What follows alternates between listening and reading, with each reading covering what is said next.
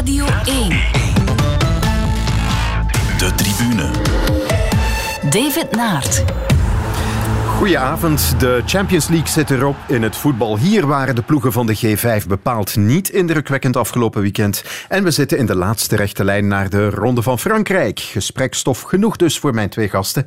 En dat zijn vandaag Bert Sterks, collega bij Sportza, en Hans van de Wegen van de Morgen. Goedenavond. Goedenavond. Goedenavond. Hans, ga je nu wel of niet naar de Tour dit jaar? Nee, ik ga niet naar de Tour dit jaar. Ik zou zijn gegaan met de camper, maar mijn co-piloot uh, kan niet mee. En ik rij niet alleen met een bak van 7 meter. Uh, vooral niet achteruit. Vooruit, dat gaat nog wel. Maar uh, ja, ik denk dan parkeren op moeilijke plaatsen enzovoort. En dan ja, al dat gedoe. ja, dan denk ik van ik ga niet. En als Michel Wuits niet gaat, dan hoef ik ook niet te gaan. ja, en Bert, jij bent sowieso geen wielerman, maar eerder thuis in de atletiek. Mm -hmm. ja, heb je niet veel te doen gehad deze zomer? Nee, nee, ook niet. Hè. Tokio was er niet, Parijs was er niet, maar de Memorial dan gelukkig toch nog wel volgende week. En er is het voetbal. Ja. En wat zijn de eerste indrukken zo na de eerste speeldagen in de Jupiler Pro League? Um, dat de apotheose gisteren Europees veel beter was dan al wat we in de rest van de dag hadden gezien. En zo zijn er toch al wel een paar gepasseerd, denk ik, de voorbije weken. Met een paar uitzonderingen. Zaterdag was het veel leuker, uiteraard. Waren er veel meer doelpunten te zien. Maar um, als er dan eens een mindere wedstrijd is, dan begin je dat publiek nog meer te missen dan op andere momenten. Dan wordt het wel uh, heel stilletjes en voor een verslaggever ook wel een beetje rekken en sleuren. Ja, daar gaan we straks nog wat dieper op in.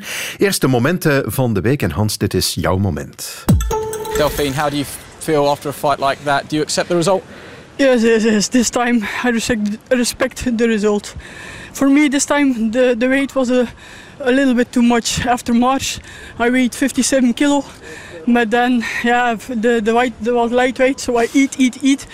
But I feel like I got not the power enough this time for to hurt her a little bit. The second round, I think I broke my nose. So it was still eight rounds boxing with my nose. First, I left to repair my nose. And then I think super feather is more my weight than, than lightweight. Dat was Delphine Persoon meteen na haar tweede nederlaag nu tegen Katie Taylor. Maar inmiddels is dat, heeft ze dat al herroepen. Hè? Ja, uh, ze heeft vandaag uh, gesproken. We kunnen er meteen naar luisteren zelfs. En mijn trainer dacht wel het eerste moment van ja, je zit waarschijnlijk verloren. Alle respect zeker nu ook nog naar Taylor toe. En dat ik dan ook direct zei van ja, kijk, ik vrees dat ik deze keer onder spit toch moet dalen en dat ze terecht gewonnen is. Maar als wij thuis achterna de kant bekijken, ook met de gebroken neus zelf, is er toch uh, moet zeggen, grote twijfel van dat ik zeker verloren zei. Ja, het was in elk geval kantje boord. Uh, ja, maar ik ken daar te weinig van, van die boksport. Hè? Want dan hoor ik van, ja, zegt de ene, de Katie Taylor is toch technisch veel beter. En, um, en, en, Delphine was heel wild, maar Delphine is dan fysiek veel sterker. Ja, dan denk ik van, een beetje hetzelfde zoals in Madison Square Garden. Ik heb haar dat, dat toen ook gezegd in een interview, of gevraagd in een interview achteraf. Ja, je wist toch wel dat je ze ging moeten doodslaan of uit de ring slaan. Ja, ja, ik wist het, ik wist het. Nu is weer hetzelfde verhaal. Het is niet gelukt en dan zijn die ringrechters redelijk streng. En is natuurlijk ook ja, de commercie die speelt. Die Katie Taylor is interessanter dan de veel persoon uit, mm-hmm. uh, uit de hoogleden gidsen. Dat is duidelijk. Ja, maar wat vind je van haar als, als ja, ja wel, uh, een, een, heel apart figuur. Het duurt heel even als je voor je bij haar binnengeraakt, letterlijk en figuurlijk. Uh, ook in de bokszaal, naast Café de Boksneuzen en Lichtervelde, is er daar een of andere aftandse brouwerij waar ze traint. en dan duurt het een tijd voor je ook haar op temperatuur krijgt om jou te aanvaarden. Maar dan is het eigenlijk een zeer intelligente uh, gesprekspartner die ook gaat discussiëren over dingen. Want ik had vorige keer geschreven, ja, ze zeggen nu dat is reclame voor het, uh, voor het vrouwenboksen. Ik denk van ja, ik weet nu niet of dat reclame is. Twee vrouwen die elkaar op het gezicht slaan tot het bloed. Ik weet niet of ik mijn dochter dat eigenlijk wil aandoen. En dan mag de beste ook nog een keer niet winnen. En daar was eigenlijk boos voor dat ik dat had geschreven. Maar ik zeg, ja, ik respecteer jou als atlete. Uh, ja, dat weet ik, zegt ze. En dan komt ze los en dan praat ze. Ik vind daar een geschenk voor de Belgische sport. En ik -hmm. hoop echt dat het met haar bokzaal, waar ze nu weer 230.000 uh, euro, minder belastingen uiteraard, uh, voor verdiend heeft, -hmm. dat die van de grond komt. En dat ze daar een project, en dat zal ook een sociaal project zijn, uh, uit de grond kan -hmm. stampen. Daar in Hoogleden Gids heeft daar toch aan zijn boerderij gevonden. Want toen ik daar was, was dat, was, kwam dat al ter sprake. En Ik hoop echt dat het lukt. Ik hoop ook dat ze niet te lang zal kampen. Uh, dat is het enige gevaar met boxers. We hebben dat gezien met Sugar Jackson. Mm -hmm. uh, ik hoop dat zij... Maar zij is volgens mij een stuk slimmer. Dus uh, ja. all the best. Zo nog die droom van de Olympische Spelen. Hè? Maar ja, de weg ja. naartoe is wel heel moeilijk en heel anders dan wat ze gewend ja, is. Ja, het is, het, is, het is meer Katie Taylor boksen dan, dan haar boksen. Hè? Ja. Daar moet ze eigenlijk ook die meisjes gewoon schrik aan jagen. Maar dat, dat, is, dat hebben we gezien in Londen. Is dat dus niet echt gelukt. Ook omdat ze daar een longontsteking had. Men zegt dat het geen COVID was. Het was een gewone longontsteking. Maar iedereen die een longontsteking heeft in tijden van COVID, zou je toch vermoeden dat het COVID is. Maar ze is in ieder geval ze was heel, heel erg ziek daar. Uh, de vraag is of ze daar nog een keer zin in heeft. Hè? Heel dat traject. Uh, in combinatie met, in combinatie met, uh, met die bouw. Beroep, hè? Die ja? komt ook. Haar beroep, wel, dat denkt dat dat wel lukt naar de Olympische Spelen. Dan zal ze wel een soort dispensatie krijgen van de politie, denk ik. Want ze zit op de administratie. Maar ehm, mentaal als je ziet, de, de, de, feit dat ze daar zegt van ik, ik respecteer haar, ze heeft ook een, een buiging gemaakt voor Katie Taylor, dacht ik van oei, die is klaar. Mm -hmm. die, die is mentaal, gaat die afhaken. En daar is niks mis mee. Maar nu, twee dagen later, ja, het is een vechtster. Hè. Het is een vechtster. Ja, dus, dus alle, alle respect hoor, dat wel, ja. Oké. Okay. Bert, dit is jouw moment. Vanega zwiept weer een bal goed de rug. En de goal! De goal van Carlos! Niet normaal. En is het Lukaku die die bal uiteindelijk in eigen doel verwerkt? Ging hij anders binnen of niet? Het antwoord is ja. En vooral nee. Hij ging ernaast. Romelu Lukaku. Voor de tweede keer op het scorebord. Ja, en zo was Lukaku de anti-held hè, in de finale ja, van de helemaal. Europa League. En dat is jammer na het seizoen dat hij heeft neergezet natuurlijk met topcijfers.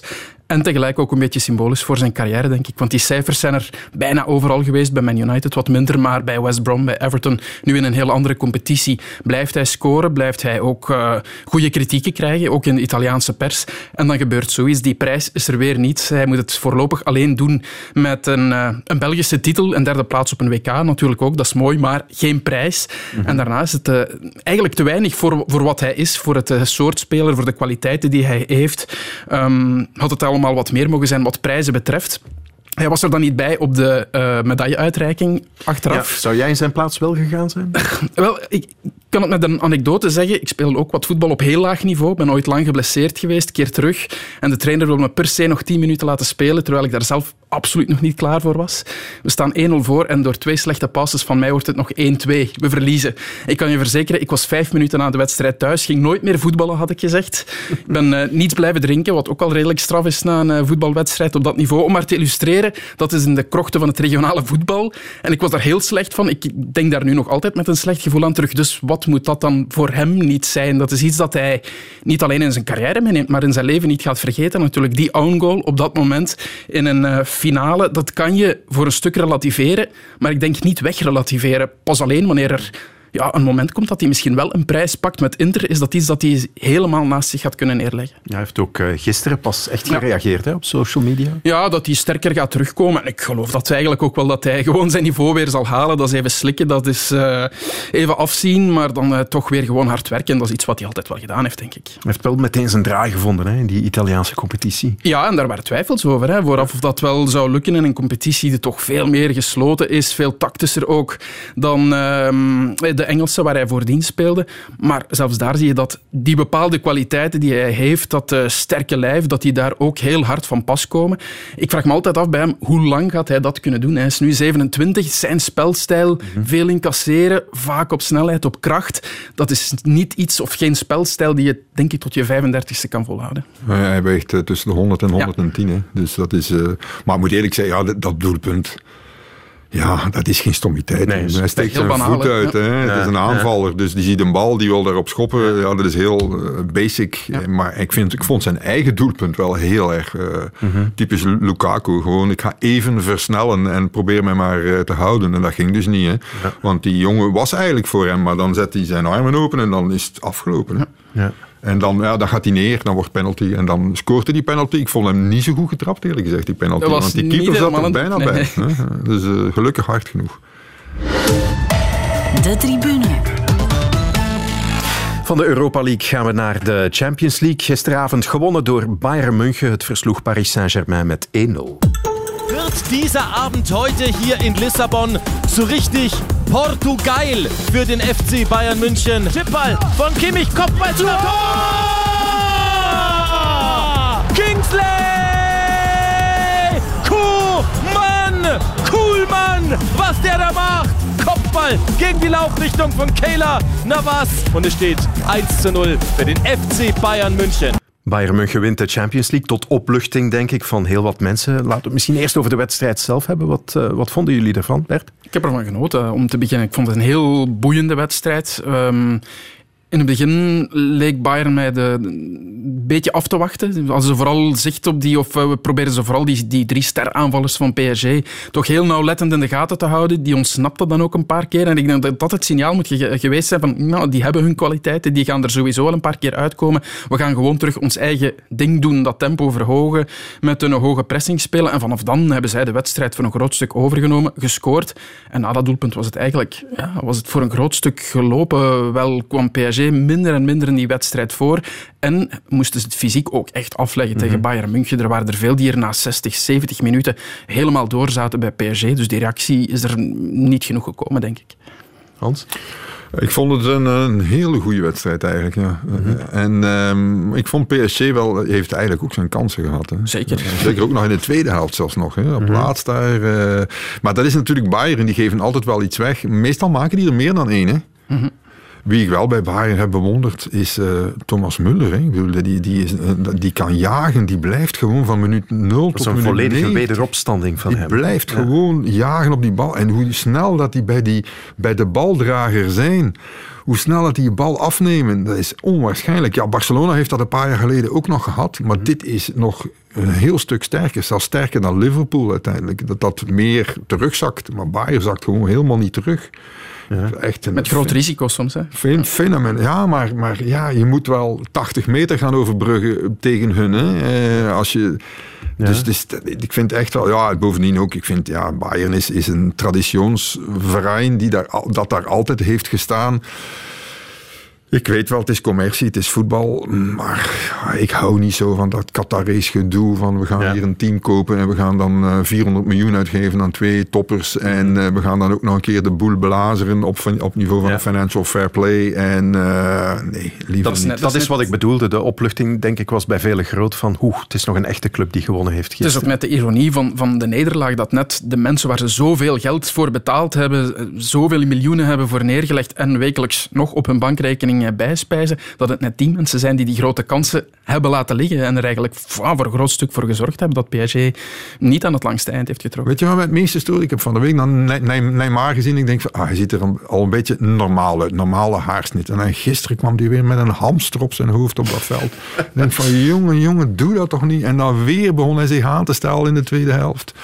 Ik denk van, ach god, weer die, die Neymar van op het WK. Mm uh, en het, uh, wel, het is een fenomenale voetballer. Hè? Dat, is, ja. dat, is, vrij duidelijk. Hè? Ja.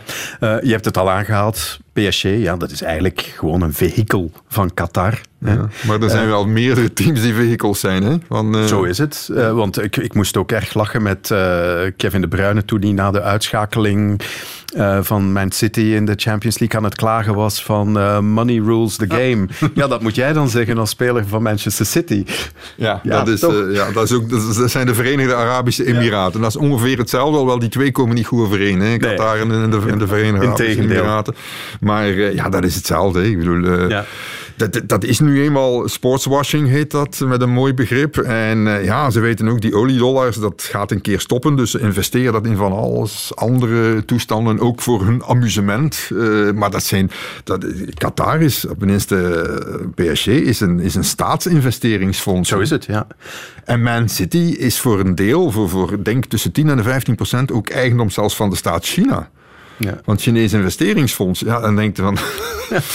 nee, ik zou, maar niet, eh, ik zou maar geen kritiek leveren. Hè? Ja, maar er is uh, de band tussen PSG en Qatar. Maar los daarvan wat PSG gedaan heeft de voorbije jaren. Ik las in The Guardian uh, dit weekend ook een, een uiterst kritisch artikel um, waarin geschreven werd, ja, het hele succes van het model van PSG, dat, dat berust op gebruik maken van achterpoortjes, boekhoudkundige trucs en vooral met wat ze op transferniveau hebben gedaan, de 400 miljoen voor twee, twee aanvallers, hebben ze een obscene uitgavenpatroon genormaliseerd. Het is een nieuwe norm Ze krijgen 100, tussen 175 en 200 miljoen van Qatar om de toerismedag te promoten. Wil geen kat naartoe naar Qatar qua toerist. Maar uh, ja, en, en dat wordt dan ingeschreven in de boeken. En dan moest Yves Le Terme met zijn beperkte mogelijkheden dat gaan bewijzen dat dat niet, niet kosher was, dat dat niet marktconform is. Ze hebben dat geprobeerd. Ze hebben gedacht van we hebben dat. En toch is het niet gelukt. En ondertussen zie je dan de voorzitter van PSG, zie je dan in het bestuur komen van de UEFA. En dan denk je, ja, je ziet de lijntjes toch lopen. en, en het is niet normaal wat zij kunnen uitgeven eh, in, ver in, verhouding tot wat binnenkomt. Nu, ze hebben natuurlijk ook een nadeel. Ze hebben maar een stadion van 44 of 45.000. De anderen hebben natuurlijk, hè, Bayern heeft een stadion van 70.000. Ze kunnen zeggen, ja, Parijs zou dat eigenlijk ook kunnen bouwen, enzovoort, en zo verder. Het is wel zo, dat is wel raar. PSG was een team vroeger van de banlieues.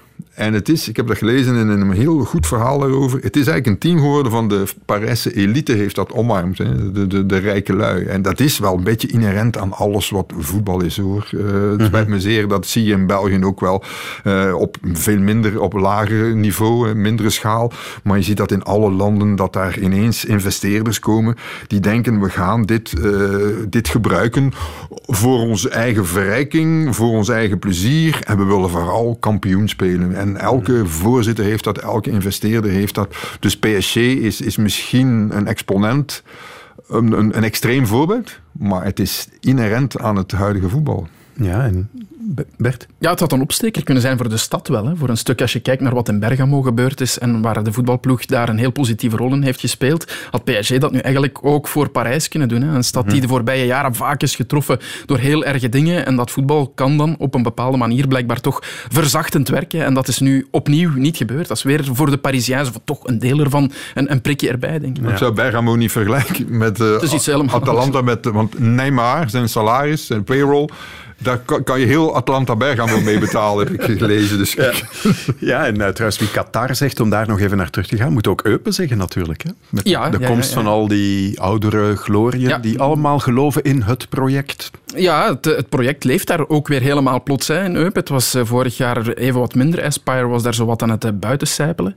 Maar met de terugkeer van Jordi Condom is het, hè, de, die nu technisch directeur is geworden, is dat helemaal weer opengebloeid. zijn de Qatarezen daar ook weer tegenwoordiger was er zelfs iemand van de Hoge Pieven, dacht ik, eh, vorige week daar tegen Club Brugge. Dus daar zijn weer mogelijkheden voor de oude glorie naar Eupen gehaald. Tot blijdschap van iedereen wie daar naar het voetbal hopelijk nog een keer mag gaan kijken. Mhm. Ehm, maar het blijft iets vreemd dat zij daar in dat kleine clubje geld blijven pompen en, en die oude mannen allemaal naar hier halen. Dat we, we, hebben een Arabier die aan de leiding staat en bij ons in België. Dus Beerschot, pas op, tot, wat is tot begin oktober uh, transfers. Als die denkt van hé, hey, ik sta hier aan de leiding we gaan er nog een paar bij halen.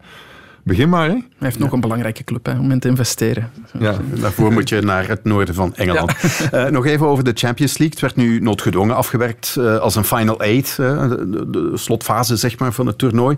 Met rechtstreekse uitschakelingen, de kwartfinales, de halve finale. Dat lijkt wel te werken. En de UEFA wil het misschien wel gaan bestendigen. Is dat een goed idee? Als wat Seferin zegt klopt, dat ze daar meer geld kunnen uithalen, dan zullen ze denk ik niet twijfelen om dat te doen. Het was leuk, het was zeker leuk. Maar we mogen niet vergeten dat het daarvoor ook heel leuk was. Dit seizoen, vorig seizoen in de heen- en terugwedstrijden, mm. was er volle bak spektakel. Dus daarvoor alleen moet je het eigenlijk niet gaan doen. Waar je het wel voor kan doen, is wat minder wedstrijden op een seizoen. Daarvoor zou het heel nuttig kunnen zijn. Maar ik vond het zeker geslaagd wat ze gedaan hebben. Maar daar zitten de tv-zenders dan weer niet op te wachten. Op ja, en de sponsors, de sponsors ook. Hè, die maar Severin zegt, voetbal is niet te koop, hè Hans? Nee, heeft hij dat gezegd? heb ik gelezen, ja. Goed, ja maar ik of je het zelf gelooft, weet ik niet. vraag me af, weet jij daar Bert, of ze nu gewoon de, de gewone premies zullen blijven betalen voor deze editie die gepasseerd is? Want het is natuurlijk, die premies zijn berekend op dubbele wedstrijden. Hè? En, en uh, ik heb nu gezien, ja, het gaat over 130 miljoen. Dat, uh, Uh, de winnaar, dus uh, nee, niet de winnaar. PSG gaat meer verdienen dan, uh, dan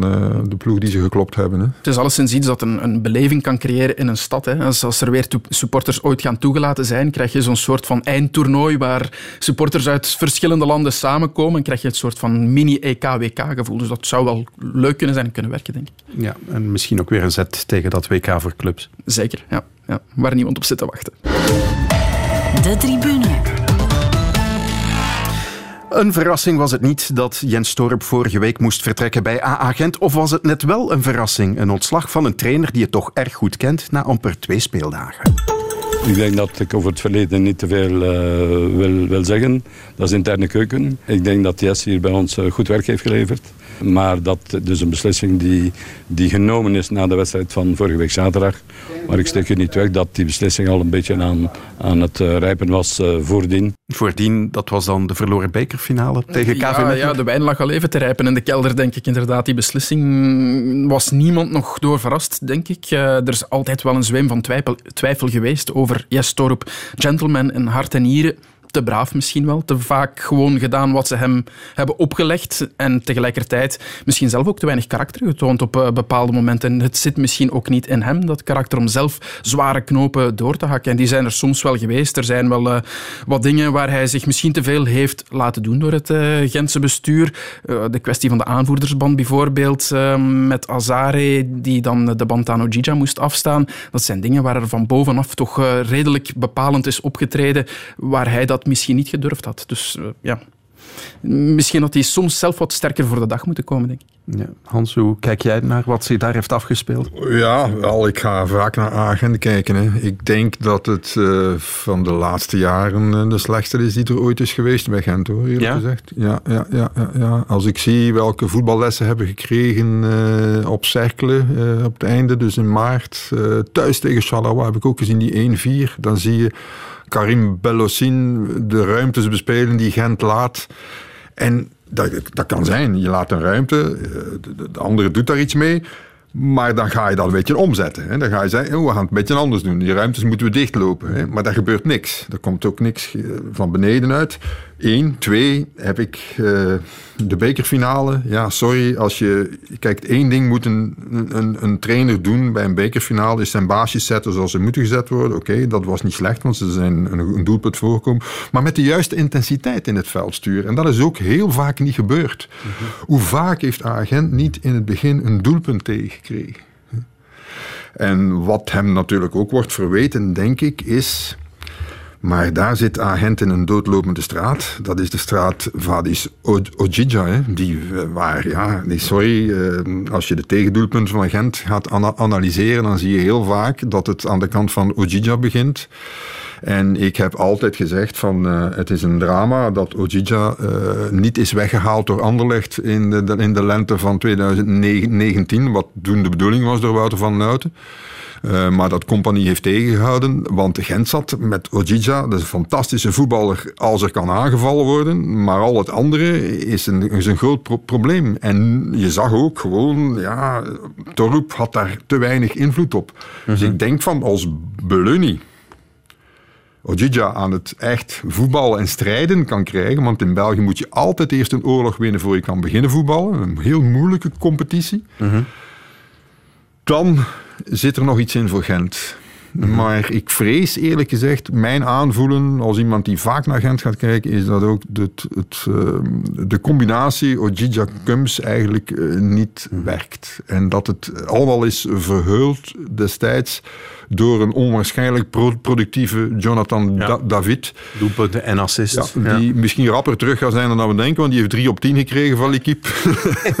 Voor zijn wedstrijd van zaterdag. Dat is eenmalig natuurlijk. Maar uh, ja, Gent zit in een hele moeilijke straat hoor. Pas op, ze gaan er zomaar niet uit geraken. Ja, en Laszlo Beleuni als zijn opvolger?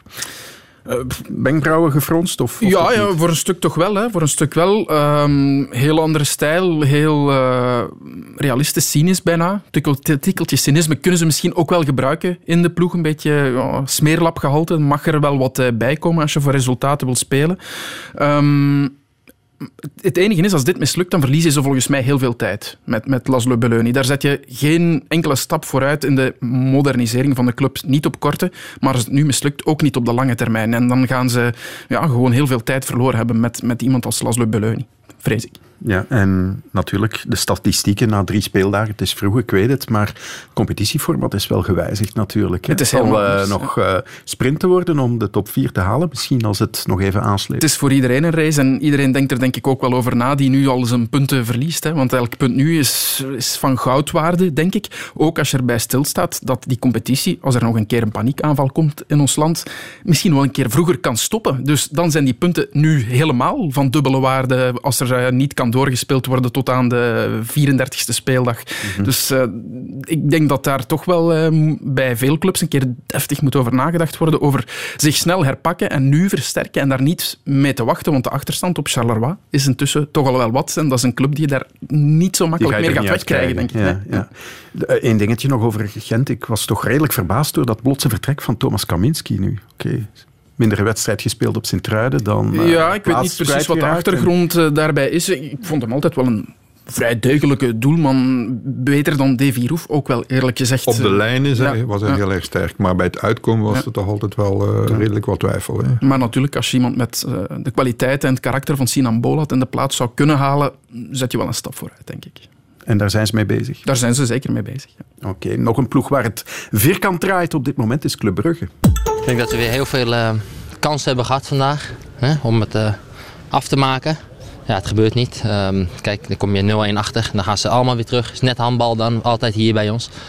Ja, Beerschot heeft zich ook wel niet echt gebetoneerd voor de eigen 16. Ik vond wel dat ze wel volwassen speelden. Ja, fantastisch ja. Heel goed gedaan. Jij vindt het wel anti-voetbal? Nee, ja, we moeten naar onszelf kijken. Nee, Beerschot uh, moeten lekker doen wat zij willen. Dat was Ruud Vormer ten voeten uit. Maar ja, uh, Philippe Clement zit misschien wel in de moeilijkste periode van zijn weliswaar nog niet zo lange trainerscarrière nu. Hè? Denk het wel. Hè. Ja, ja. Bij Wasland Bever was alles nieuw. Had hij ook wel een paar heel getalenteerde mannen die toen uh, veel hebben gedaan in die ploeg. Zoals Morioka, die toen op, een, op een voor Wasland Bever heel hoog niveau speelde. Bij Genk veranderde alles wat hij aanraakte in goud. Hè. Bij Philippe Clement had hij ook een oplossing klaar voor het vertrek van Pozuelo. En blijkbaar is de puzzel die hij nu moet leggen moeilijker dan uh, het vervangen van Pozuelo. Het is iets helemaal anders natuurlijk. Hè. Er zit een, een soort van, ja, je kan het bijna sleet noemen. Het is een lange pauze geweest van het uh, stilleggen van de competitie. Ze zijn dan letterlijk geruisloos kampioen geworden. Er is helemaal niets gebeurd. En nadien ja, is er misschien gewoon te weinig veranderd bij Club Brugge. Het is het eerste jaar onder Clément, maar het is niet het eerste jaar van de kern die ze nu hebben. Die spelen al veel langer samen. En je krijgt het gevoel, niet alleen bij deze speeldag, maar bij de eerste en tweede ook wel, bij de bekerfinale, dat die kern gewoon wat prikkels nodig heeft die kunnen komen van Clément zelf bijvoorbeeld. Hij heeft het al eens bewezen met, met goede speeches dat hij een groep weer wakker kan krijgen. Maar dat kan even goed gebeuren door een paar jongens eens te prikkelen op een andere manier. Namelijk door hen te laten voelen dat ze niet meer zo zeker zijn van hun plaats. En dan is nieuw bloed denk ik de beste oplossing. Ja, ik dacht, ik dacht uh, dat een van de redenen zou kunnen zijn het gemis aan het publiek. Ja, als je naar Club Brugge gaat, dan mm -hmm. is het echt de hel uh, voor een tegenstander. En voor de scheidsrechter. En voor de scheidsrechter. Maar de scheidsrechter heeft, uh, heeft Club nu niet banaal bevoordeeld. Dus daar gaat het. Dus, maar bij Hans van Aken zie ik dat dan niet. En die is dan, als ik alles mag geloven, want ik zie niet die hele wedstrijd. Uh, een stuk minder dan normaal. Hè? Dus wat scheelt daar is dat de gewenning, is dat toch die, dat, die, die, ja, dat, die stuwing van dat publiek, want het is een fantastisch publiek hè? Bij, uh, bij, bij Brugge. Ze zeggen dat ook altijd, maar het is ook wel zo. En het speelt natuurlijk ook wel mee. Hè? Mm-hmm. En dat heeft natuurlijk ook wel te maken. Een aantal van die spelers zijn eigenlijk, ja, een, een, dat is een lelijk woord, maar het zijn tribunespelers. Ze, ze worden toch voor een stuk beter, omdat ze weten van we gaan hier de show verzorgen en we gaan het publiek meekrijgen enzovoort enzoverder. En we gaan het publiek, hè, vormig publiek opnaaien. Hè? We gaan een gele kaart pakken of we gaan die uitlokken. Hè? En er komt de vlamslaat in de pan en dan spelen ze alles kapot. Maar ja, Club heeft natuurlijk wel zoveel talent lopen. Ja. Dat is zelfs een beetje verhaal bij Gent. Op een bepaald moment gaat dat toch wel weer beginnen draaien. En dat ze, dat, dat, dat in principe moet, zou moeten lukken als er niet te veel misloopt. Hè. Ja. Misschien komt er snel wel weer publiek natuurlijk in de stadions. Hè. Gisteren uh, kwam uh, minister van Sport Ben Wijts met dat uh, protocol.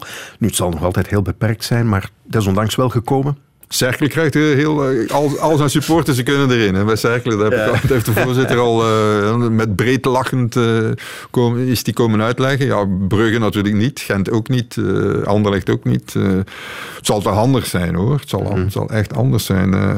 Ik kijk nog altijd liever thuis zo een beetje. Ik vind, in het begin kon ik er niet aan wennen, maar eh, ik vind ook eh, dat ze het heel erg goed doen. Die, die, die mannetjes die op de juiste Die de knop- knopjes duwen. knopjes duwen van, van eh, oeh en oeh en joe. En dus de- dat mis je dus in het, in, in het stadion, missen dat, hè. Dus, dat, dus dat zal toch wel saai zijn. Een, een agent met, met 4000 mensen in, het, in de tribune, ik weet het niet. Maar de stilte gaat wel gebroken zijn. En nu val je soms echt in stiltes. Je hoort alle Engelse vierletterwoorden die de spelers roepen als er een keer iets Als je- mislukt. Ah, als je dat als hoor journalist in het stadion dat, zit. Dat, ja, dat hoor je allemaal tot, tot boven. Dat is dan wel weer leuk een keer om Maar mee te dat hoor je dus niet als je thuis zit. Nee, dat, nee, vind dat ik, dat vind ik fantastisch eraan. Dat hebben ze goed gedaan. Ook de beeldvoering en zo. Die camerastandpunten zijn waarschijnlijk toch een beetje veranderd. Ik weet niet wat ze allemaal precies hebben gedaan. Maar ja, het valt mij niet helemaal tegen thuis kijken zonder publiek. Maar in het stadion is het natuurlijk een totaal een ander verhaal. De tribune. En mijn gasten vandaag zijn Bert Sterks van Sportza en Hans van de Wegen van De Morgen.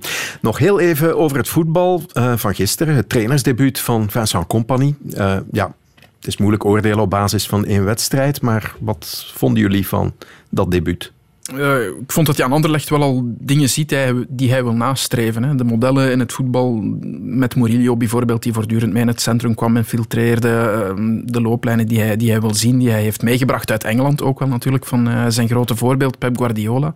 Maar de fouten bleven dezelfde die er eh, de weken voordien ook al waren. Hè. De, het weggeven van de voorsprong op, op Mechelen, dat gebeurde onder Verkouteren. Het weggeven van de voorsprong gisteren was misschien zelfs nog erger tegen tien man. Dat hebben ze er duidelijk nog niet uitgekregen. Dus dat, dat realistische kantje, dat moet er toch een keer inkomen ooit bij Anderlecht. Anders gaan er nog veel van dit soort wedstrijden volgen, vrees ik. Ja, Maar de vraag is of zijn voetbal is aangepast aan zijn spelersmateriaal. hè. Mhm. En, en je kan je spelersmateriaal aanpassen aan je voetbal, maar dat is een stukje duurder hoor. Eh, Dan gaat hij echt wel met wat anders moeten uitpakken. Het is natuurlijk eh, een zeer jonge ploeg. Hè, de tweede jongste van Europa of derde jongste van Europa, wat het ook is. Eh, en hij is nog een heel jonge coach. Kan hij die spelers beter maken? Ik heb me dat ook afgevraagd. Heeft hij de oefenstof om ze om dat uit elkaar te halen en, en dat geleidelijk aan aan te leren. Dat is verdorie het moeilijkste. Opleiden, teacher zijn in, in een sport is het moeilijkste van alles. Hè. Je kan, ik kan eh, Real Madrid coachen hoor. Ik kan eh, ook kampioen. Ik, als ik daar had gezeten in de plaats van eh, Flik, had ik misschien ook gewonnen tegen PSG. Maar ik had daar niet veel gezegd natuurlijk. Maar, maar dat is een ander verhaal als je denkt van ik moet hier eh, gasten van 17, 18 jaar inpassen centraal in mijn verdediging en zeggen wanneer uitstappen, wanneer niet, eh, welke passes geven. Poeh, moeilijk. En ja, wij moesten daar ook aan denken toen we bezig hoorden vorige week in, eh, in Extra Time. En de vergelijking is natuurlijk wel scheef getrokken, maar zo sprak Company vorige week over de tactiek van Guardiola bij Manchester City. De pressing waar dat ze de lijn tussen de centrale verdediger en de fullback afsluiten, daar moet je altijd een beetje wachten en, eh, op, de, op de fout van de tegenstander. Je moet het eigenlijk lokken. Vanaf het moment dat je die fout moet lokken of wachten op die fout, dan zijn je altijd een beetje in een positie waar dat je nog wel hoog staat, maar, dat je misschien niet aan de bal geraakt. Maar dat wil niet zeggen dat die andere ploeg gevaarlijk is. Eh, meestal prest hij vanuit het midden, waardoor dat die actie wordt gedwongen. En daar was het een kwestie van de ballen naar de buitenkanten te vermijden, waardoor dat ze druk konden zetten in het midden. Kun je nog volgen? Zonder beelden heel moeilijk, denk ik. Ze hadden beter zo'n bordje erbij gezet waar hij het even kon eh, uittekenen. Ik vermoed allemaal. dat hij dat in de kleedkamer ook Ja, wel doet natuurlijk, ja. maar het is toch niet makkelijk, denk ik dan. Eh, als je daar al als jonge voetballer met veel ontzag ook zit te voilà. kijken. Ja. Gisteren zei hij na de wedstrijd, ik wil 0% angst zien. Eh, ik wil eh, ze met plezier zien voetballen. Maar de vraag is, kan dat? Als je zoveel richtlijnen, regeltjes hebt waar je allemaal moet naar luisteren, allemaal moet volgen.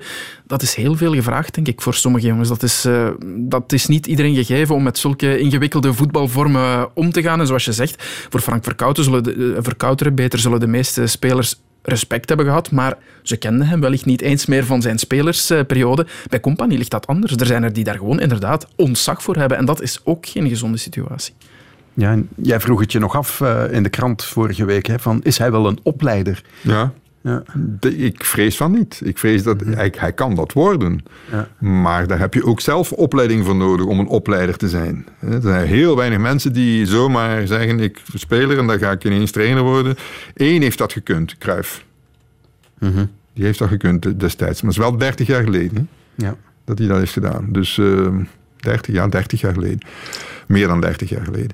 Dus die heeft het gekund. In het huidige voetbal, denk ik, is het heel moeilijk. Zie je dat niet. Integendeel, je ziet zelfs de opleiders en de goede coaches komen vanuit... Uh, Guardiola is dan een, een, een anti-voorbeeld, want dat is een goede voetballer geweest zelf. Maar uh, die anderen die we nu zien, die waar we nu uh, naar opkijken... De Hazen, Hazen Huttels, Klop, ja. dat ja. zijn allemaal gasten die, ja, die eerst heel veel cursussen hebben gevolgd. Die, die dat, al die oefenstof hebben verzameld, die zich daar als fanaten hebben opgegooid. En die dan komen met systemen waarvan we denken ah, van, fantastisch. Hè. Maar nu het kopiëren van Manchester City op Anderlecht, ik vrees eerlijk. Maar ik hoop dat het project wel lukt, want het- het- omdat het jeugd is en omdat het eigen jeugd is enzovoort. En, en, en, en omdat het ook compagnie is, ik heb een, een zwak voor Vincent Compagnie, maar hij moet niet te veel optreden zoals in extra time. Dus het is goed geweest, eh, Vincent, zou ik zeggen. Ik vind het eigenlijk jammer dat het tussen die twee niet is gelukt, tussen Verkouteren en compagnie. Het lag allemaal wat te ver uit elkaar, maar als dat nu net iets dichter bij elkaar had gelegen en de tegenstellingen niet zo groot waren, had dat wel een heel mooi du- duo kunnen zijn, denk ik. Het, het realistische wat Verkouteren altijd predikt, tegenover het, ja, het licht naïeve toch wel, wat Vincent Compagnie misschien wil bij Anderlecht, het, het wat ingewikkelde.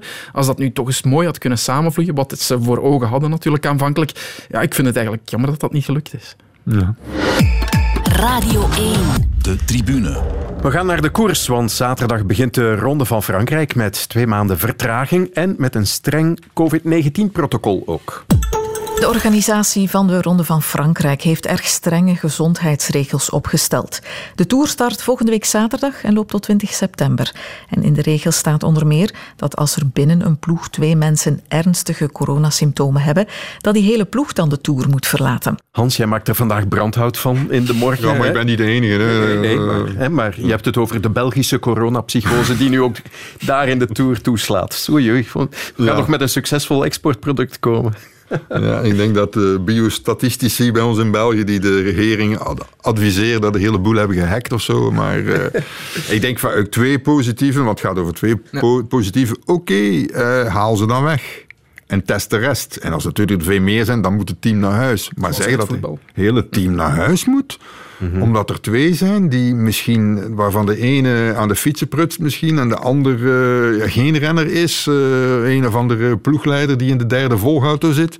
Nee, sorry, dat, vind ik echt gewoon belachelijk. Maar ik denk dat natuurlijk de ASO, dat de Tour-directie dat heeft moeten doen om de Franse publieke opinie eh, te bespelen, dat het dan toch mag en om de regering tevreden te stellen enzovoort. De vraag is alleen, wat gaan die ploeg doen? Hè? Maar ja, en de ploegarts, wat gaat die doen? Als die... Ja, die moet niet, hè? Die, moet, die moet het niet melden, want er is een, een privacy. Hè? Dus, eh, als Mhm. maar jij... ze rekenen er toch op dat hij het wel doet. Ja, dat wordt een lastig verhaal, ja. Ja, want ethisch klopt dat toch niet? Nee, dat wordt een heel lastig verhaal. Er zit iemand boven. Hè. Er zou een COVID-controlerend Ja. of coördinerend arts bij zijn. Het, wordt, eh, het is sowieso de tour chaos. Dus eh, ja, we zullen zien wat het, wat het is. Maar ik denk niet dat er veel teams eh, met positieve gevallen zullen afkomen, eerlijk gezegd. Ik, misschien zal er wel één verdwijnen. En dan, dan zal natuurlijk Radio Peloton, zoals ik heb geschreven, zijn werk doen en zeggen: die is weg, die was zeker positief. Hè, zoals die is weg, die heeft zeker met een brommerke gereden of zo. Dat was destijds ook het verhaal. Ja, het is wielrennen, hè, dus er is achterklap. Maar eh, wat mij opvalt, er zijn wel al een aantal eh, positieve gevallen geweest, maar nooit in de koers, hè? Tot nu toe. Nee, maar ik denk dat ze dat goed kon controleren, zoals ze dat ook in het voetbal heel erg goed doen. Wat dan natuurlijk de publieke opinie laat zeggen, die niet sportmind is. Ja, moeten ze dat allemaal doen voor die voetballers en die coureurs enzovoort. En waarom niet voor andere mensen? Ja, ja, ja. maar eh, die betalen het ook wel zelf. Hè. Dus eh, ja, en, en de test, testing is er nu genoeg. Het is niet zo dat uh, woensdagcentra niet kunnen worden getest omdat alle coureurs worden getest. Dat is nu ook niet het verhaal, maar dat wordt dan wel weer zo voorgesteld. Ja, dus uh, ik zou zeggen, uh, laat ons starten in Nice, een probleemgebied, een, een, een mm -hmm. rode zone dacht ik, of oranje. Oranje denk ik. Ja, maar toch in al geval een probleemgebied. Marseille is nu rood, Ja, dacht ik. Ja. Ja, daar komen ze gelukkig niet in Marseille, heb ik gezien. Uh, maar ze gaan er wel rond. Dus uh, kijk, ja, het is, het is, het, ja, die Tour is absoluut levensnoodzakelijk, schijnt voor die wielerteams. Dat zegt Patrick Fever toch altijd. Maar is dat ook niet zo op, op, op mondiaal niveau? Dat is toch de enige koers die ertoe doet? Wij kijken dat altijd vanuit Belgisch perspectief, maar ja, ja. Maar als je, hè, de mensen die de mond vol hebben van eh, de koers groter maken en zo. Ja, dan heb je toch Het is de enige, Tour nodig. Wel, eh, het is de enige... eh, ik ben is ooit tijdens de Tour in Peru geweest. En daar staat dan de Tour in de krant. Eh, Ron van Vlaanderen zal niet in Peru in de krant staan, dat is duidelijk.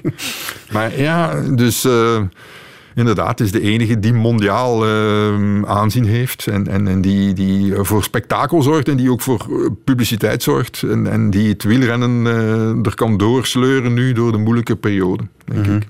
Het wordt sowieso ook wel op sportief gebied een interessante Tour, denk ik. Hè? Met Jumbo-Visma misschien toch in pole position nu om de Tourwinnaar te leveren? Met Roglic? Hmm. Nee? Of toch Bernal? Team. Ineos? Als hij fit is, Roglic, wel goed gepresteerd. Toch al in de Tour de Lijn was het zeker. En in de Dauphiné, waar hij dan eh, moest afstappen. En ja, Bernal heb ik niet zo'n goed zicht op eigenlijk. eh, Het, ik, ik lees dat hij minder in vorm zou zijn, maar je moet pas in vorm zijn. Je moet eigenlijk eh, niet in vorm zijn de eerste week, hoewel er zijn al een paar heel moeilijke wedstrijden. in het Begint begin. al vroeg, hè, Die, ja. eerste, die eerste Ja. twee etappes zijn al behoorlijk pittig. Je kent daar wat bergjes achter Nice. Oef. Eh, Turini enzovoort, begin er maar aan hoor. Eh, en zeker als het wat warm is. enfin, het zal minder warm zijn dan normaal. Maar ja, Roglic, derde week, heeft hij altijd toch wel een beetje een probleem. Ehm, maar aan de andere kant, ik heb wel mijn vertrouwen in, ik stel wel mijn vertrouwen in het team Jumbo-Visma. Als ik weet wat ze allemaal hebben gedaan om hun renners eh, op punt te krijgen. Eh, zelfs het water gecontroleerd, of daar niet te veel deuterium in zat enzovoort. Eh, ik moet eerlijk zeggen, ja, ik ken ook de, de man die daar de voeding doet. Die komt van, trouwens van bij Patrick Lefevre. Het is allemaal heel wetenschappelijk, maar het is ook heel menselijk allemaal. Er zijn andere teams in Nederland die het ook heel wetenschappelijk doen, waar het iets minder menselijk is. Maar bij Jumbo-Visma, ik ben daar geweest op de tijden eh, voor Wout van Aert, eh, dus op, op, op die vulkaan. eh, ja, dat is allemaal heel erg relaxed. Mensen praten met jou, het is niet zoals destijds in andere teams waar je volledig werd afgeschermd. En ze zijn open en, en, en ze werken hard en goed, zeer gericht. Ik vind het, het gemis van Kruiswijk eh, is wel een probleem. Hè. Eh, dat is wel een probleem. Als die er nog was bij geweest, dan denk ik van daar hebben ze echt wel heel veel speerpunten. En, eh, en dan die lang hebben- kunnen meegaan. Hebben we nog onze, wat, Wout wat in Nederland half brommer, half mens noemen. Wout van Aert, ja, dat- pas op. Hè. Dat is, Toch die- straf. ja, ja, maar die, Ja. die kan lang mee hoor. Die kan echt lang mee. Dus ja, nee, ik hoop eigenlijk dat Jumbo-Visma het wint. Maar Ineos, Bernal, Colombiaan, ja, ze hebben, zij weten wat, het, wat er nodig is om de Tour Mhm. te winnen. Dus ze hebben iets meer ervaring daarin. Ja, Alhoewel de mensen Vandaar ook Tour- zonder pardon Thomas en Froome Ja, aan de was kant geschoven. Dat is wel sterk, ja. Voor een Britse ploeg vond ik dat... eh, want ja, Dat is een statement. in. Groot-Brittannië kennen ze alleen maar die twee. Hè? Ja, maar Ineos die eh, verkopen natuurlijk ook wel buiten, eh, buiten Groot-Brittannië. Ook in Antwerpen. Hè? Ja. ze hebben er een, een tweede sponsor bij waar ik de naam nu van kwijt ben. Dus eh, nou ja, ik denk, het wordt sowieso een hele boeiende tour. Er zijn nog wel wat teams die iets willen proberen. Het is een hele atypische tour qua eh, indeling. Ehm, en met dan nog op de voorlaatste dag een verschrikkelijk zware tijdrit. La Ja. Planche de Belfi naar, naar boven. Ehm, de Grand Colombier zit daar ook nog tussen. Dat is een onwaarschijnlijke berg. Die, die beklimmen ze van de drie verschillende moeilijke kanten. Met de laatste moeilijke eh, beklimming. Met de la- lang, lastigste als laatste. Eh, daar gaan ook... ehm, daar gaan echt daar gaan dingen gebeuren. En, en die middengebergte etappes, nee, nee, het wordt een, een hele zware tour. Gelukkig dat die in de vroege herfst of late zomer wordt gereden. Als ze dit in deze zomer hadden gereden met die 35 graden, dan eh, was het niet goed afgelopen. Ja. Alles wat er rond hangt gaat sowieso in de eerste dagen enorm veel aandacht krijgen. Denk ik. ik ben ook heel benieuwd hoe ze met dat puntensysteem gaan omgaan. Hoe die dokters, die sp- eh, spelers, wat zeg ik, de renners moeten ehm, een score geven eigenlijk. Elke avond en elke ochtend twee punten voor vermoeidheid. Dus elke avond zijn dat dan al twee punten, vermoed ik. Hè? Want eh, ik neem niet aan dat er iemand fris over de streep komt. Wat is het koorts? Vier punten. En zo zijn er wel wat dingen. Maar hoe kan je dat nu ja, echt eerlijk en, en, en, en neutraal gaan noteren voor elke renner? Ik, Dat wist ik dus niet, hè? Is dat zo, ja? dat is een puntensysteem. Ja. En als je aan een bepaald maximum komt, dan, dan mag je er eigenlijk niet meer bij zijn. Maar dat bestaat al hè, in, in trainingsvormen. De RPE heet dat. Rate of Perceived ex- Exertion. Dus, dus, dus je geeft eigenlijk zelf een score van, van hoe je percipieert, hoe je, hoe vermoeid je bent. En dat, dat schijnt redelijk te kloppen hoor. Bij geoefende atleten die zeggen, ja, ik zit hier toch wel aan zeven. Ja. En als ze dan zeggen, ik zit hier, ik zit hier wel aan acht, eh, dan, dan, dan gaat er een, een, een, een, eh, een belletje rinkelen of er gaat er een lichtje branden, wat ook, whatever. Dus ja, ik wist niet dat ze dat deden met puntensysteem. En wat, wat, wat is het nut daar dan van? Om, ze moeten aangeven hoe iemand mo- zich... permanente monitoring Ja, ja, een eigenlijk. monitoring van Ja. eh, hoe gezond de, de crew is en de renners zijn. En, eh, Maar dat heeft niks te maken met COVID, toch? Jawel, jawel, ook met, met hoesten, met eh, andere symptomen, met koorts. Ja. Het moet allemaal in de gaten gehouden worden op twee keer per dag, als ik me niet vergis. Ja, maar je weet toch, hoesten, als er iemand ja, buiten adem is op zo'n, die zal wel een keer hoesten boven hoor. Eh, Dat denk ik ook. Maar ja, dat is dan de enige plek waar ze geen mondmasker hoeven op te zetten. Hè? De als, als, ze, als ze op de fiets zitten. Ja. Ja, dat lijkt mij dan wel redelijk normaal. Goed, ik eh, voeg daar nog aan toe dat we morgenavond een eh, tour-podcast brengen van de tribune met Michel Wuits, José de Kouwer en Thijs Zonneveld. Kijkt Tom van den Bulke dan vooruit naar de Ronde van Frankrijk. En de tour zelf is vanaf zaterdag te volgen op alle kanalen van Sportzaal. De tribune. Tot slot van deze tribune nog een van mijn stokpaardjes, Rusland en doping. Were you the mastermind that cheated the Olympics? Yes. Today, the World Anti Doping Agency suspended Russia's sports drug testing lab. 99% of Russian athletes are guilty of doping. It's worse than we thought. If this is true, it is an unimaginable level of criminality. Was Putin aware of the existence of the Russian doping system? Yes. Deze maand verscheen het boek The Rodchenkov Affair: How I Brought Down Russia's Secret Doping Empire. Grigori Rodchenkov, dat is de voormalige baas van het antidopinglab in Moskou. Een man die uiteindelijk zelf dopingdealer wordt en zijn hoogtepunt bereikt op de winterspelen in Sochi 2014, waar hij samen met de Russische geheime dienst positieve stalen van Russische toppers laat vervangen door zuivere stalen. Tot hij dan een paar jaar later vlucht naar de Verenigde Staten, spijt op wordt en zo ook publieke vijand nummer 1 in Rusland. Hoe hij dat allemaal heeft gedaan, beschrijft hij dus in dat boek. Hans, je hebt het eh, net als ik al gelezen en ik heb begrepen dat jij toch nog van je stoel bent gevallen. Ook al had je Icarus gezien, Ja. waar we het klankje net van hoorden, die, die Netflix-docu, waarin ook al heel veel werd verteld. Ja, omdat hij, ehm, hij begint dus ook bij zijn eigen carrière als atleet, waarbij hij dus ehm, op een bepaald moment aan zijn moeder vraagt, ja, ik wil hier ook iets nemen om beter te lopen. En hij laat hem dan ehm anabole steroïden inspuiten door zijn moeder, die zelf arts is. Ehm, ja, en denk, zo begint het dan al. Hè. hij, hij wordt dan chemicus. Ehm, komt in het eh, dopinglabo terecht, nog onder de eh, communistische periode. Ehm, wordt dan groter, wordt dan directeur van dat dopinglab. En dan begint het eigenlijk. Hè. Dan eh, gaat hij in concurrentie met eh, trainers van wie hij weet, eh, ja, die, dat zijn eigenlijk dopingdealers. Maar ik kan dat beter, zegt hij tegen die at- at- atleten. Ik heb betere producten, ik heb dit, eh, je moet het zo en zo en zo doen. En hij gaat dan zijn eigen methode uittesten, hè, waarbij hij dus... eh, ehm, kleine hoeveelheden steroïden mengt. En hij zegt tegen de atleten: "Je- dit moet je drinken met alcohol. En spoelen in je mond en eh, dan gaat het sneller uit je systeem. Mijn vraag is dan altijd wel, werkt het dan wel? Eh, in alle geval, het is uit het systeem gegaan. En, en hij heeft dus, eh, dat zijn methode heet dan de Duchess, dus de hertogin. Maar in het Russisch zal dat waarschijnlijk een andere naam zijn. En ehm, die, die atleten zijn, worden dan klant bij hem. En dat vind ik dus fantastisch. Hoe hij dat, fantastisch, nee, niet fantastisch, vreselijk eigenlijk, hoe hij dat combineert. Enerzijds, als ik dan de mensen hoor die hem kenden, collega's, ook onder andere van Gent, die hem geniaal soms vonden. Zij labo ook zeer performant vonden in het opsporen van van alles. Dus ze hadden echt wel hele goede publicaties aan de ene kant. Maar aan de andere kant kwamen daar at- atleten en die werden dan bevoorraad door hem. Los daarvan heb je nog het verhaal van Sochi, waar hij moet meestappen in, in het systeem. Want ondertussen is hij dan al een paar keer, dat heb je ook gelezen, ik wist niet hoe vaak, maar een paar keer psychiatrisch patiënt verklaard door het Ja. systeem, het Russische systeem, opgesloten. eh, echt eh, murf geslagen bijna. eh, Zelfmoordpoging zelfs, dat Zelfmoordpoging gedaan enzovoort. En, en dan wordt hij geaccapareerd door het systeem dat zegt van kijk, nu gaan we hier iets uitvinden. Want eh, eigenlijk werkt het systeem, hè? werkt het dopingsysteem. Dat is wat je leest uit dat boek, dat ze eigenlijk iets moeten uitvinden, omdat ja, als er een positieve plas is, werkt de opsporing. En dat vind ik dan al wel weer verheugend.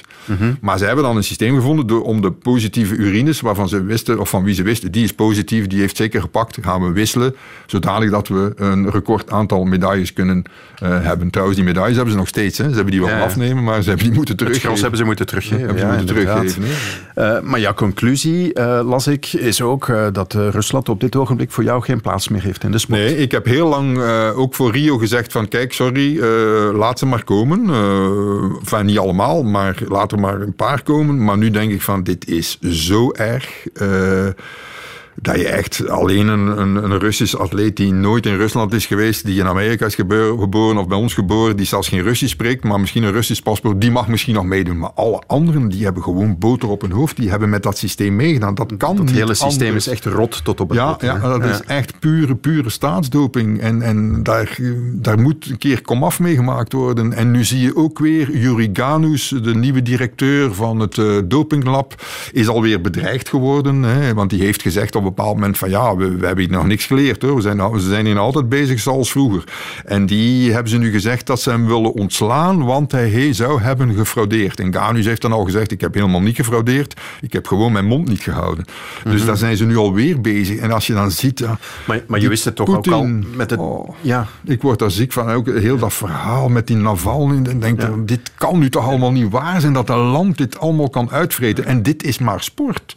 Maar, ah, vreselijk. Maar dat het nog altijd rot is, dat bleek toch eh, onlangs toen de WADA, eh, het WADA, de Wereld Antidopingagentschap, Rusland weer non-compliant verklaarde. Toen ze eindelijk die database van Moskou hadden overhandigd. En ja, na één of twee dagen was het al duidelijk, dit is volslagen gemanipuleerd. Hier kunnen we niks mee aanvangen. Dus Ja, ze blijven vooral volharden. veel te laat. Ze geven ze veel te laat en dan is het inderdaad duidelijk. Maar wat Rusland natuurlijk niet wist, is dat WADA de perfecte eh, origineel had. En ze konden natuurlijk onmiddellijk kijken, matchen en dat, was, dat klopte dus niet. Hè. Dus daar hebben ze zich natuurlijk te kak gezet. Maar dan zeggen ze gewoon voor het thuisfront, oh, er is niks aan de hand, we worden hier eh, geviseerd, eh, gestigmatiseerd. En dan zeggen al die Russen thuis, oh, het is toch erg wat ze doen met ons, die Amerikanen. Hè. Maar wel wij in het buitenland, maar dat, daar trekken de Russen zich helemaal niks van aan. Dat is, het, is, eh, het is echt pure man- manipulatie. Ik, ik, vind, ik vind het heel erg, echt waar. Toont die man zelf eigenlijk iets van schuldgevoel nu? Want dat zat niet echt in die documentaire hè, destijds. Doet hij dat nu wel in het boek? Nee, nee eh, omdat hij eh, vond de manier waarop ik het deed, was eigenlijk gezonder eh, voor die atleten. En ik leerde hen ook aan waarvoor het dient. Je neemt het spul niet om wedstrijden te winnen, maar om beter te recupereren. Zeker als je met reeks en halve finales en zo zit als je al wat ouder wordt. Dus hij, hij is nog altijd volslagen overtuigd van zijn gelijk. Medisch gezien heeft hij... En het klopt, zijn, er hè? zijn er veel die zouden zeggen, ja, hij heeft eigenlijk wel een punt. Hij zegt ook, er is nog niemand doodgevallen van beperkte dosis is ook wel- steroïden dat te is ook nemen. wel zo, dat is ook wel zo. Maar het is natuurlijk ehm, oneerlijk en het is bedrog en het mag niet. Hè. Dus eh, oké, dan we hebben dat afgesproken in de sport. Alleen zij houden zich daar niet aan. Er zijn nog wel landen die zich daar niet aan houden. Als je kijkt dat het aantal Keniaan dat al is betrapt, dan denk je, ja, dat, dat is, daar is eh, ook een probleem. moet dringend eh, aangepakt worden. Dus, ja, eh, met een ondergefinancierd WADA, dan gaat nee, dat niet lukken. en hè? dat vind ik dus wel jammer. En dat is natuurlijk ook wel zo. als je nu ook ziet, bijvoorbeeld de UCI is de meest performante bond op vlak van dopingbestrijding. Altijd geweest. Maar de UCI gaat nu zijn eigen dopingbestrijding uit handen geven. hè, want die kunnen dat eigenlijk niet meer financieren. Nu hebben ze niet eens een WK waar ze geld zullen mee verdienen. Ze zullen misschien wel WK WK organiseren, maar het zal hen dan ook nog geld kosten. Bij de UCI zijn mensen eh, op tijdelijke werkloosheid gezet. Hè. Dat is niet het geval bij de FIFA of bij de, of bij de UEFA geweest. Hè. Dat is een heel armlastige bond. Dus die, ja, dat soort bonden heeft het lastig. Eh, En met deze, in deze periode is, het, is, is dopingbestrijding niet eens meer een prioriteit voor de bonden. Hè. En dat, wordt, dat wordt echt wel misschien wel een probleem hoor. Want er zijn andere, meer loesje bonden geweest die het nooit een prioriteit hebben gevonden. Hè? Van sluiten de ogen. Gewichtheffen bijvoorbeeld. Nee, Gewichtheffen maar zelfs is dus- zwemmen, FINA is toch ook... Ja, maar het gewichtheffen is daar... Dat is- hebben- dat slaat hebben, alles, Daar ja. hebben wij toch... We hebben dan, ik zou daar eigenlijk iets moeten over schrijven, over die Tamas Rayan, want die al allemaal heeft gedaan. Dan denk ik, dat is toch niet mogelijk. Maar ja, wij hebben er natuurlijk geen aandacht voor, we hebben geen gewichtheffers. Of die refereren niet naar die bond. Hè? Ja. Is echt... eh, ja, Ja, ja. eh, vreselijk. En hij blijft geld stelen ook. Maar één ding nog heel kort. Eh, jij wil eigenlijk dopingbestrijding idealiter weghalen van overheden, sportministerie? Ja, er zou eigenlijk een soort uh, internationaal dopingagentschap moeten, moeten zijn dat over alle landen heen dat visa heeft voor alle, altijd alle visa heeft, dat overal binnen kan. Is dat realistisch? Als zelfs Interpol dat niet kan, dan vrees ik dat het ook met de dopingbestrijding niet het geval gaat zijn. En dat een aantal landen zullen zeggen, ja maar sorry, oeh, bij ons lukt dat toch net niet hoor. En dan denk ik bijvoorbeeld aan China, als je in Shanghai binnenkomt, dat je dan toch niet snel genoeg in Beijing geraakt. En, en, een aantal andere landen zullen ook zeggen, nee, net bij ons niet. Jammer. We zijn aan het einde gekomen van de tribune. Eén vraagje nog. Waar kijken jullie naar uit deze week op sportgebied, Bert? Ik moet de Tour zeggen, hè? maar ik, ik ga drie dagen mountainbiken in de Hoge Venen en daarna gaan mijn benen moe genoeg zijn om rustig naar de Tour te kijken. Hans? Uh, de Tour, ja, ja zeker. Uh, en vooral de, de, meteen die eerste etappe, uh, een van de kansen voor ons Belgen. Oké, okay, zijn benieuwd. Denk eraan morgen ook nog op podcast een tourspecial van de tribune. Voor nu zijn we klaar hier op Radio 1. Zometeen na het nieuws Zomerland met Aiko. Geniet ervan en tot heel binnenkort. Dag.